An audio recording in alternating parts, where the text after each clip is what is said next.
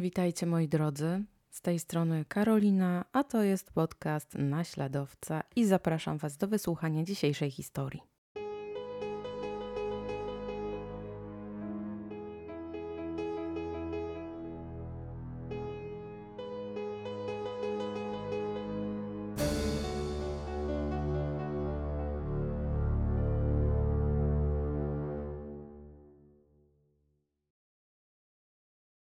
Cayetano Santos Godino przychodzi na świat 31 października 1896 roku w Buenos Aires w Argentynie. Jego rodzice kilka lat wcześniej wyemigrowali z Kalabrii, regionu położonego w południowej części Italii.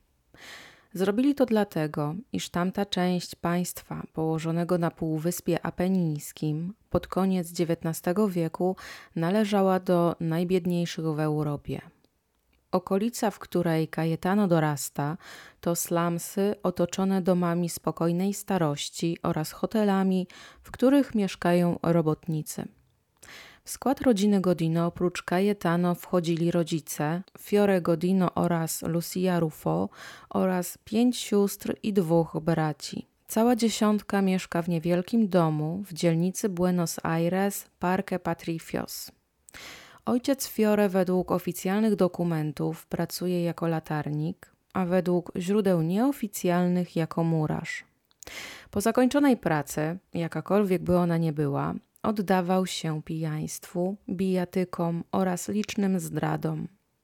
Hulaszczy tryb życia spowodował, że zachorował na syfilis jeszcze przed narodzinami Kajetano. Prawdopodobnie ta przekazana przez ojca infekcja była przyczyną słabej kondycji zdrowotnej syna.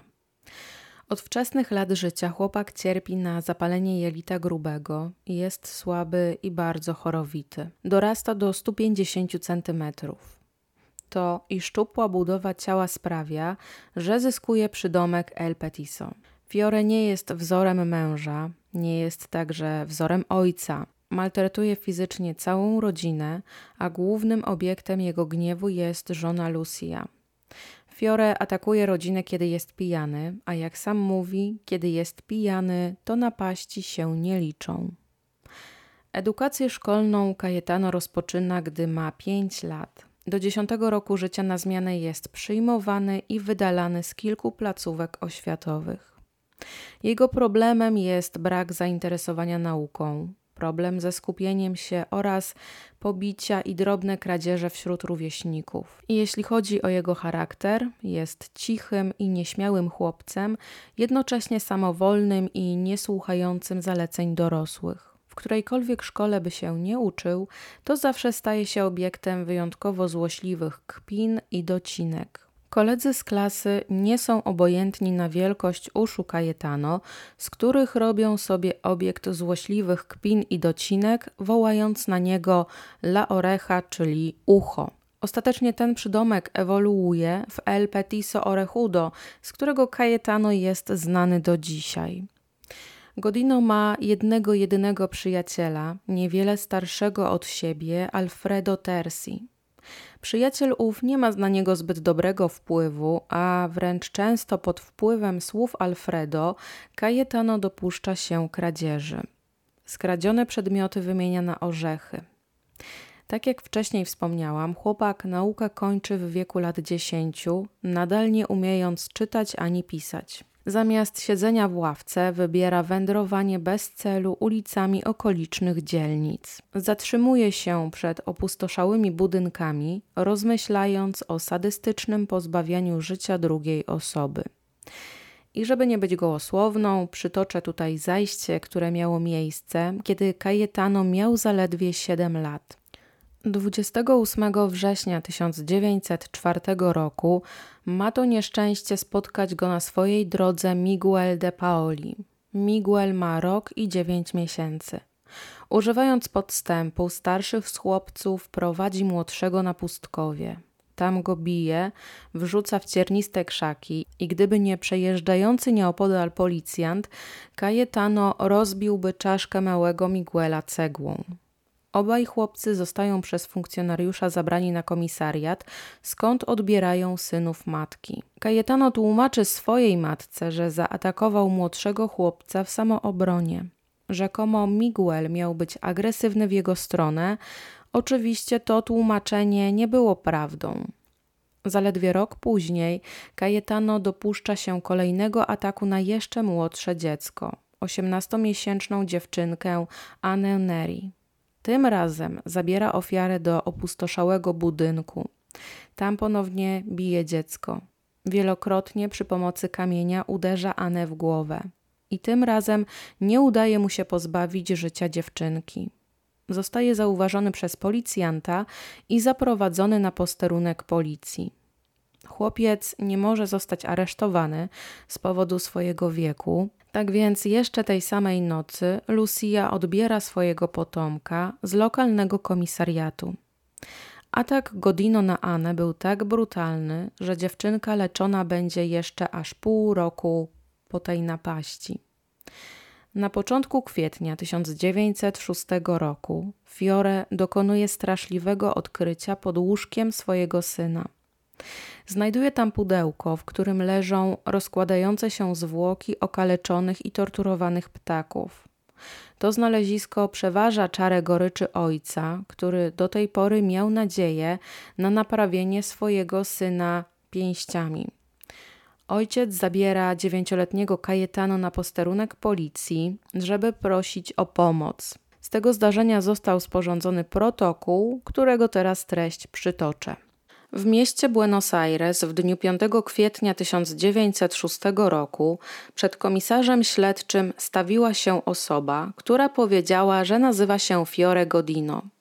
Włoch lat 42, od 18 lat mieszkający w Argentynie, żonaty, latarnik z zawodu, zamieszkały na Calle 24 de Noviembre 623. Od razu powiedział, że ma syna o imieniu Cayetano. Argentyńczyka, mającego 9 lat i 5 miesięcy, który jest całkowicie zbuntowany przeciwko swoim rodzicom, w wyniku czego przeszkadza wszystkim sąsiadom, rzuca w nich gruzem i obraża ich. Chce go w jakiś sposób poprawić i dlatego ucieka się do tej policji, aby zatrzymać go tam, gdzie komisarz uzna za stosowne i na jak długo zechce. W wyniku tego spotkania Cayetano zostaje uwięziony w jednym z pomieszczeń biura burmistrza oddziału drugiego na nieco ponad dwa miesiące. Po odsiedzeniu wyroku chłopak wraca do swoich dawnych zwyczajów. Do starych nawyków dołączy nowe uzależnienie, chroniczna masturbacja, której dziewięciolatek oddaje się co najmniej trzy razy każdego dnia. Tłem jego fantazji są popełnione przez niego zbrodnie. Po ponad dwóch latach spokoju, 9 września 1908 roku, Cayetano ponownie atakuje młodsze od siebie dziecko. Prowadzi dwuletniego Severino González Calo do winnicy albo według innych źródeł do magazynu, na którego terenie znajduje się wodopój dla koni. Wrzuca chłopca do stawu z zamiarem utopienia go. Deską próbuje blokować wydostanie się Severino na powierzchnię. Te dziwne ruchy alarmują także w zależności od źródeł właściciela winnicy lub jego pracowników. Ktokolwiek przychodzi z pomocą dwulatkowi, łapie jego oprawcę i odprowadza na komisariat policyjny. Jedenastolatek opowiada historię, według której ratował Severino. Widział wcześniej, jak zabrała go kobieta ubrana na czarno, o której opowiada ze szczegółami. Śledczy nie traktują poważnie opowieści i nie wierzą jeszcze nawet nie dwunastolatkowi. Chłopak wykorzystuje chwilowe zamieszanie na posterunku i ucieka. Kilka godzin później zostaje ponownie schwytany i spędza noc w areszcie policyjnym. Następnego dnia matka wydobywa chłopaka na wolność. Ponieważ już zarzucił edukację w szkole podstawowej, może oddać się swojemu ulubionemu zajęciu, czyli włóczęgostwu ulicami Buenos Aires. Sześć dni trwa względny spokój we wnętrzu Cayetano. 15 września 1908 roku znajduje kolejną ofiarę. Jest nią prawie dwuletni Julio Bote. jedenastolatek przypala powieki dziecka papierosem. Płacz malucha alarmuje jego matkę. Kobieta skupia się na swoim dziecku, co daje małoletniemu sprawcy możliwość ucieczki. Podczas swojej kolejnej napaści zostaje zauważony przez oboje rodziców i ofiary. Nie ścigają oni chłopca, ponieważ uważają, że jest za młody, aby sprawę zgłaszać na policję. Do końca 1908 roku małoletni przestępca jest świetnie znany na trzech posterunkach policyjnych. Policjanci wiedzą, że Cayetano to dzieciak, który ma za dużo na swoim koncie w porównaniu do wieku, jaki ma na karku. Znieważa i wyzywa sąsiadów, morduje zwierzęta, rodzice z bezsilności oddali go już raz do aresztu. 6 grudnia 1908 roku Fiore i Lucia docierają do granic swojej bezsilności po raz drugi. Prowadzą syna na posterunek policji, a stamtąd dwunastolatek zostaje wysłany do Narodowej Kolonii Rolniczo-Przemysłowej dla Małoletnich Płci Męskiej w Marcos Paz. Wchodząc do ośrodka, Godino ma obowiązek, tutaj będę cytować, przestrzegania nienagannego zachowania, noszenia regulaminowego umundurowania, dbania o ubranie i wszystkie elementy, które mu powierzono, bezwzględne wykonywanie wydanych mu poleceń. Koniec cytatu.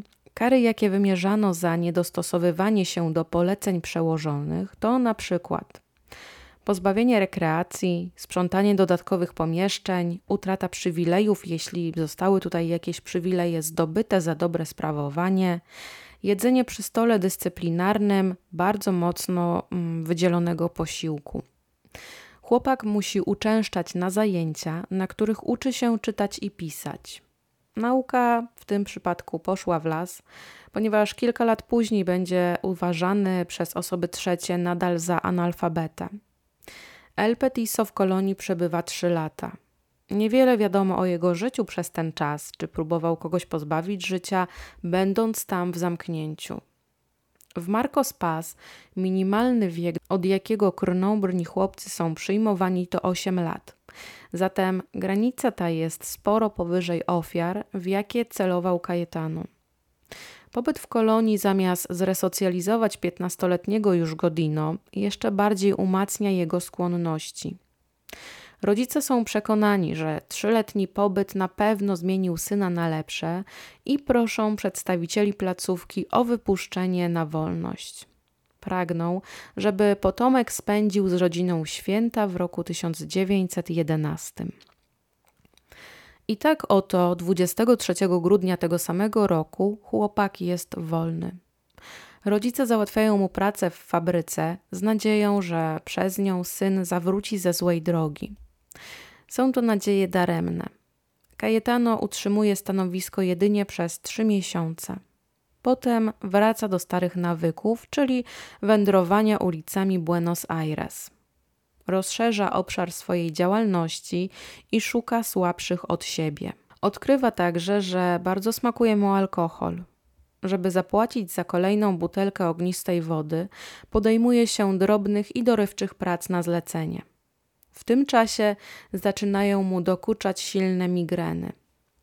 Napady bólu są tak silne, że chłopak praktycznie nie może się ruszyć. Matka, starając się ulżyć synowi, okłada jego czoło kompresami nasączonymi lodowatą wodą. Bóle głowy nasilają jego chęć zabijania, a ta chęć wzmaga się jeszcze, kiedy małoletni jest pijany. Kajetano odkrywa w sobie także miłość do ognia, do jego niszczycielskiej siły. 17 stycznia 1912 roku Cayetano Santos potajemnie wślizguje się do magazynu znajdującego się przy ulicy Corrientes. Nieniepokojony przez nikogo, dociera do biura i podpala księgi rachunkowe. Płomień rozprzestrzenia się bardzo szybko, a gaszenie trawionego przez ogień budynku zajmuje strażakom aż cztery godziny. El Petiso tak później podsumuje swoją piromanię. Lubię patrzeć, jak strażacy pracują. Miło jest patrzeć, jak wpadają w ogień. 26 stycznia tego samego roku w wynajmowanym domu przy Pawion zostaje znalezione ciało 13-letniego Arturo Laurory. Zniknięcie chłopca zgłoszone zostało dzień wcześniej przez jego rodziców. Prawie nagie zwłoki leżą twarzą do podłogi z rozsuniętymi nogami. Arturo ma na sobie jedynie podwiniętą do szyi koszulkę poplamioną krwią. Napastnik udusił swoją ofiarę owiniętym kilkukrotnie sznurem konopnym. Trzynastolatek ma na ciele otwarte rany i siniaki. Obrażenia zostały zadane gałązką wyrwaną z drzewa figowego rosnącego na tyłach budynku. W tym samym pomieszczeniu, w którym znaleziono zwłoki, znajdują się też niebieskie spodnie, pasek ze sprzączką oraz buty. Policjanci zbrodnie te przypisują gangowi wykorzystującemu nieletnich. 7 marca przed wystawą sklepową El Petiso namierza pięcioletnią Reinę Bonitę Wajnikow. Nie zastanawiając się długo, podpala sukienkę dziewczynki. Reina po spotkaniu z Cayetano umiera około 16 dni później w szpitalu w Buenos Aires. W tym samym roku Godino podpala jeszcze budynek stacji kolejowej oraz dwie stodoły. Wszystkie podpalane przez niego budynki udaje się strażakom i lokalsom ugasić bez większych problemów. 24 września 1912 roku Cayetano pracuje w winnicy należącej do Paulino Gomez. Pracodawca jest świadkiem dziwnego ataku, jakiego dopuszcza się jego pracownik. Godino zadaje klaczy trzy ciosy nożem, po których koń umiera. Pomimo, że właściciel identyfikuje napastnika i przekazuje wszystkie informacje policjantom, ci wypuszczają sprawcę z powodu braku dowodów. 8 listopada kolejną ofiarą szesnastolatka staje się dwuletni Robert Russo. Godino obiecuje chłopcu paczkę cukierków, jeśli tylko ten pójdzie za nim. Dwulatek przystaje na propozycję i tak obaj idą na pobliskie pole obsiane lucerną. Tam nastolatek przypuszcza atak. Próbuje dusić chłopca przy pomocy liny. Potem wiąże jego stopy i prawdopodobnie planuje zabić tego chłopca. W porę zostaje znaleziony przez rolnika, który przekazuje napastnika policjantom. El Petiso po raz kolejny próbuje się wywinąć od odpowiedzialności, przedstawiając wymyśloną historię. Natknął się przypadkiem na chłopca i próbował go ratować. Robotnik natomiast pomylił czynności ratunkowe z napaścią. Tym razem policjanci nie są już tak pobłażliwi. Aresztują nastolatka i oskarżają go o usiłowanie popełnienia morderstwa. Zaledwie cztery dni później zostaje jednak zwolniony. Powodem jest brak dowodów, że to El Petiso zaatakował chłopca. 16 listopada szesnastolatek znajduje kolejną ofiarę około dwuletnią Carmen Guiton i wyprowadza ją na, jak mu się zdaje, odludne miejsce. Tam uderza dziecko kilkukrotnie, nie powodując widocznych obrażeń. Kiedy przygotowuje się do odebrania życia ofierze, niedaleko pojawia się stróż. Godino zapewnia mężczyznę, że dwulatka się zgubiła, a on ją odnalazł. We trójkę idą na posterunek policji, gdzie Cayetano zostawia swoją niedoszłą ofiarę, po czym wraca do swojego domu. Cztery dni później Cayetano próbuje wyprowadzić w odludne miejsce pięcioletnią Katalinę z zamiarem odebrania jej życia. Zabiera dziewczynkę z rogu Muniz i San Juan. Ona głośno protestuje, nie chce iść z Godino. Jej podniesiony głos alarmuje mieszkankę pobliskiego domu. Kobiecie udaje się udaremnić plany szesnastolatka. Takiego szczęścia nie ma niestety Jesualdo Jordano. 3 grudnia 1912 roku trzylatek bawi się z dwuletnią Martą Pelosi przed domem, w którym mieszka. Tego dnia Godinio jak zwykle wędruje ulicami Buenos Aires. Dociera do ulicy Progreso pod numer 2185. Tam widzi grupkę dzieci bawiących się razem. Wśród nich jest Marta Pelosi, którą początkowo bierze na cel. Dziewczynka nie jest jednak zainteresowana tym, co mówi do niej El Petiso i nie zamierza z nim nigdzie iść. Zatem napastnik skupia się na chłopcu. I tutaj mała dygresja. W związku z jego wzrostem i posturą, dzieci nie mają obiekcji i pozwalają mu się przyłączyć do zabawy. Początkowo trzylatek także nie chce nigdzie iść z nieznajomym. Krzyczy i woła swojego ojca, natomiast Godino wie, że musi działać szybko. Popycha, ciągnie i uderza swoją ofiarę. Potem obiecuje, że kupi trzylatkowi cukierki i tak też robi. W słodycze zaopatruje się w sklepie Baldano. Podczas drogi w upatrzone miejsce wydziela po jednym cukierku, podtrzymując tym samym zainteresowanie Hesualdo. Dwóch małoletnich podążających w nieznanym kierunku widzą Olimpia Mogia oraz mężczyzna dostarczający gazety Francisco Peluso. Obaj chłopcy idą w stronę cegielni. Trzylatek ponownie zaczyna stawiać opór, w związku z czym Godinio przewraca go na plecy i kolanem przygwożdża do ziemi. Ze szlufek swoich spodni wyciąga linę, którą używa jako paska. Sznurem owija trzynaście razy szyję swojej ofiary i zaciska go. Jesualdo próbuje wstać. Godino unieruchamia ofiarę, wiążąc mu ręce w nadgarstkach oraz stopy w kostkach liną. Ponownie próbuje dusić ofiarę, jednak trzylatek walczy o życie. Godino, Godino jest coraz bardziej zdesperowany w związku z tym, że jego ofiara nadal żyje. Próbuje znaleźć w opuszczonym budynku przedmiot, który przyspieszy śmierć chłopca. Poszukiwania nie przynoszą oczekiwanych rezultatów. Opuszcza budynek, zostawiając swoją ofiarę wewnątrz. Podczas spaceru ulicą spotyka ojca Jesualdo. Na pytanie, czy widział jego syna, El Petiso zaprzecza. Jednocześnie poleca mężczyźnie złożyć zawiadomienie na policji o zaginięciu dziecka. W końcu Godino znajduje gwóźdź o długości 10 cm. Wraca do cegielni. Rozbiera ofiarę. Przy pomocy kamienia wbija gwóźdź w czaszkę chłopca. Jesualdo umiera, a szesnastolatek podziwia to, czego dokonał. Przykrywa zwłoki chłopca arkuszem blachy cynkowej i opuszcza miejsce zbrodni. Jego buty i koszula pokryte są krwią ofiary. Po wyjściu z terenu cegielni udaje się do swojej siostry Pepi Godino, gdzie delektuje się bardzo smacznym posiłkiem. Kilka minut później ojciec znajduje ciało swojego syna. Po czasie spędzonym z rodziną, Godino wraca na miejsce zbrodni. Tam widzi, że policjanci już pracują nad sprawą śmierci trzylatka.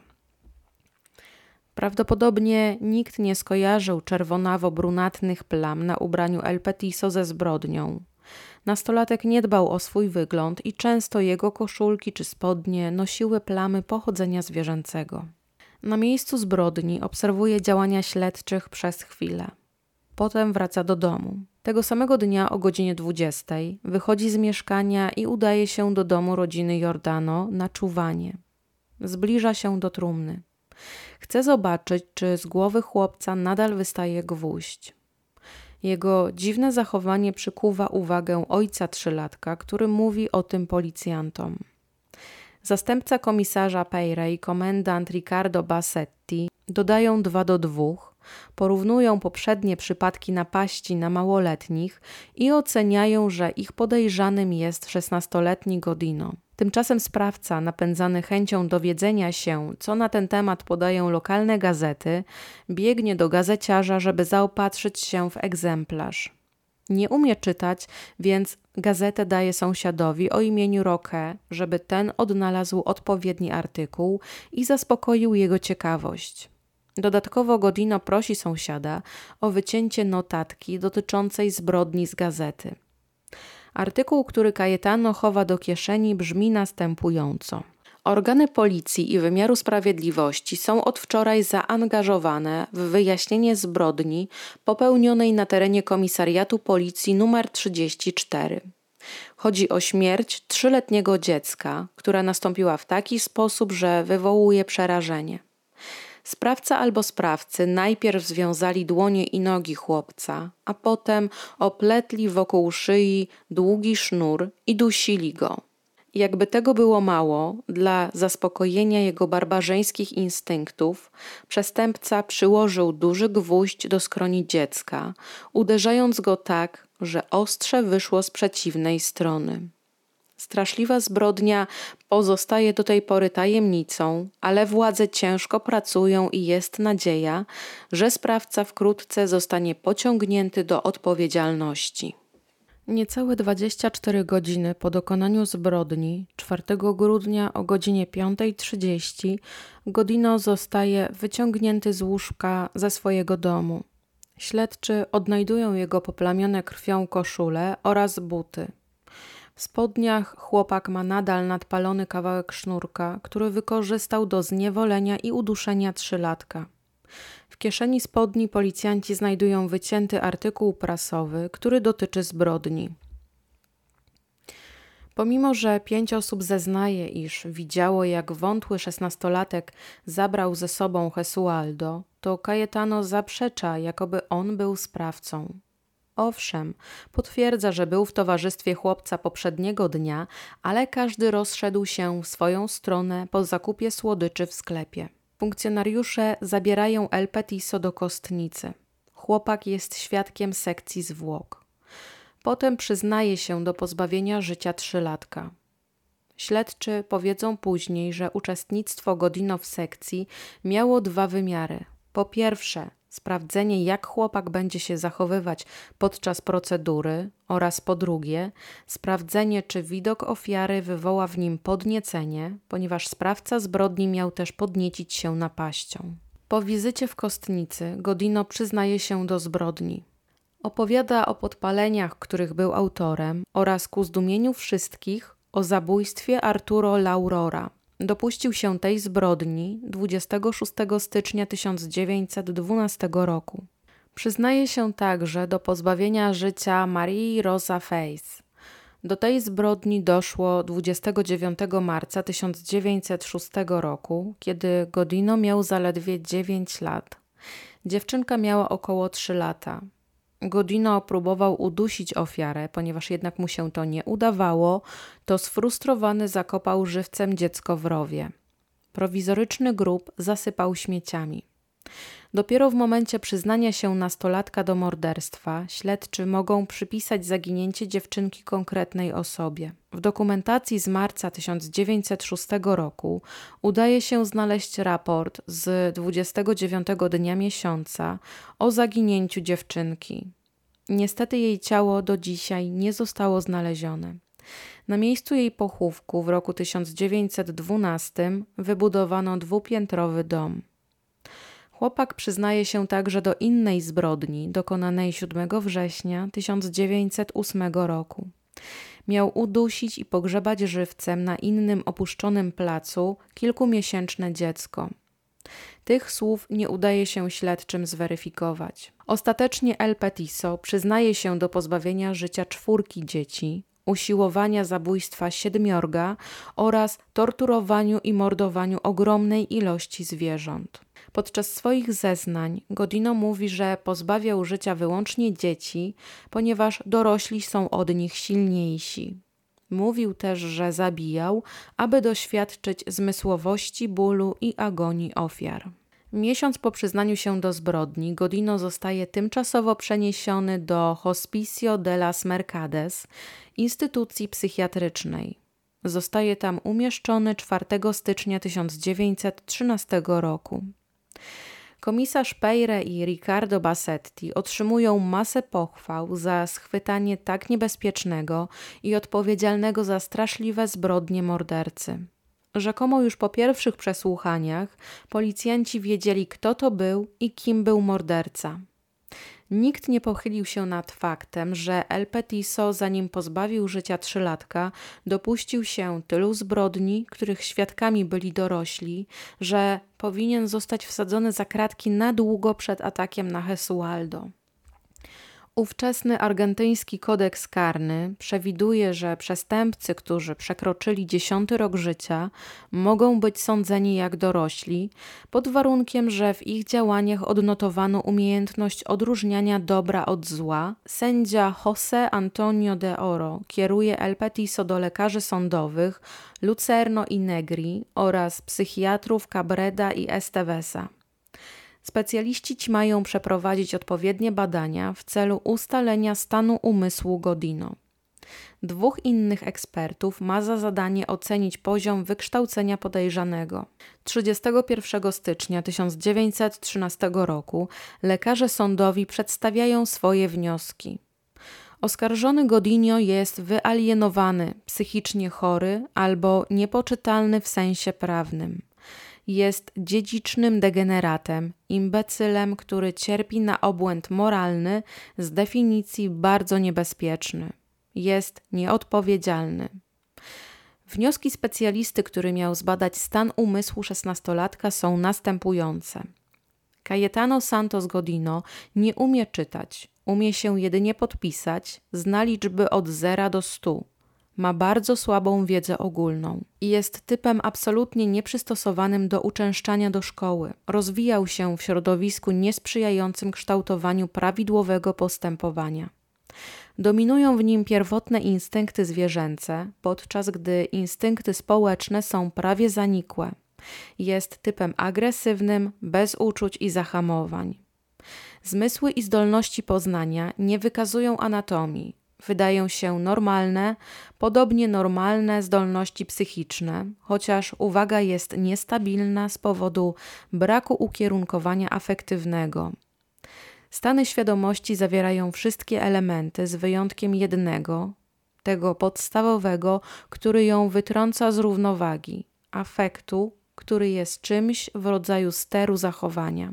1 kwietnia 1913 roku kolejny specjalista w swoim raporcie oświadcza, że nie można go pociągnąć do odpowiedzialności za jego zbrodnie. Doradza wypuszczenie Godino na wolność, nawet jeśli tym samym zdrowie i życie innych osób będzie zagrożone.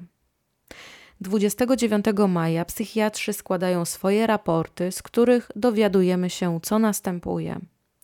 Cayetano Santos Godino jest mentalnie biedny. Jego mentalna bieda przyjmuje formę głupoty. Ta głupota jest nieuleczalna. Jest całkowicie nieodpowiedzialny za swoje czyny.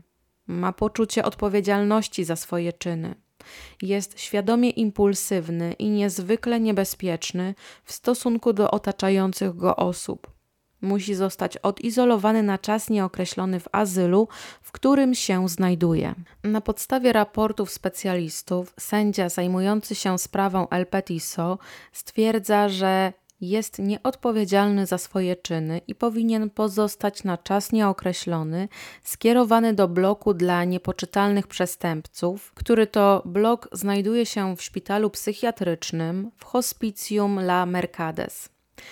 Nie ma tam osadzonych osób małoletnich, ale to nie przeszkadza Godino w znalezieniu słabszych od siebie osób.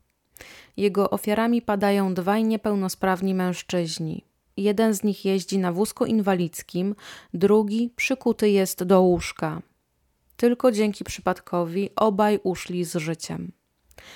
Prokurator, niezadowolony z werdyktu wydanego przez sędziego, odwołuje się od jego decyzji do Izby Odwoławczej. Jednak znowu Kajetano uważany jest za osobę niepoczytalną i wyrok z pierwszej instancji zostaje podtrzymany. Prokurator nie odpuszcza i po trzech latach od wydania pierwszego wyroku udaje mu się przekonać przedstawicieli Izby Odwoławczej, że stan psychiczny pacjenta się poprawił, co nie jest prawdą.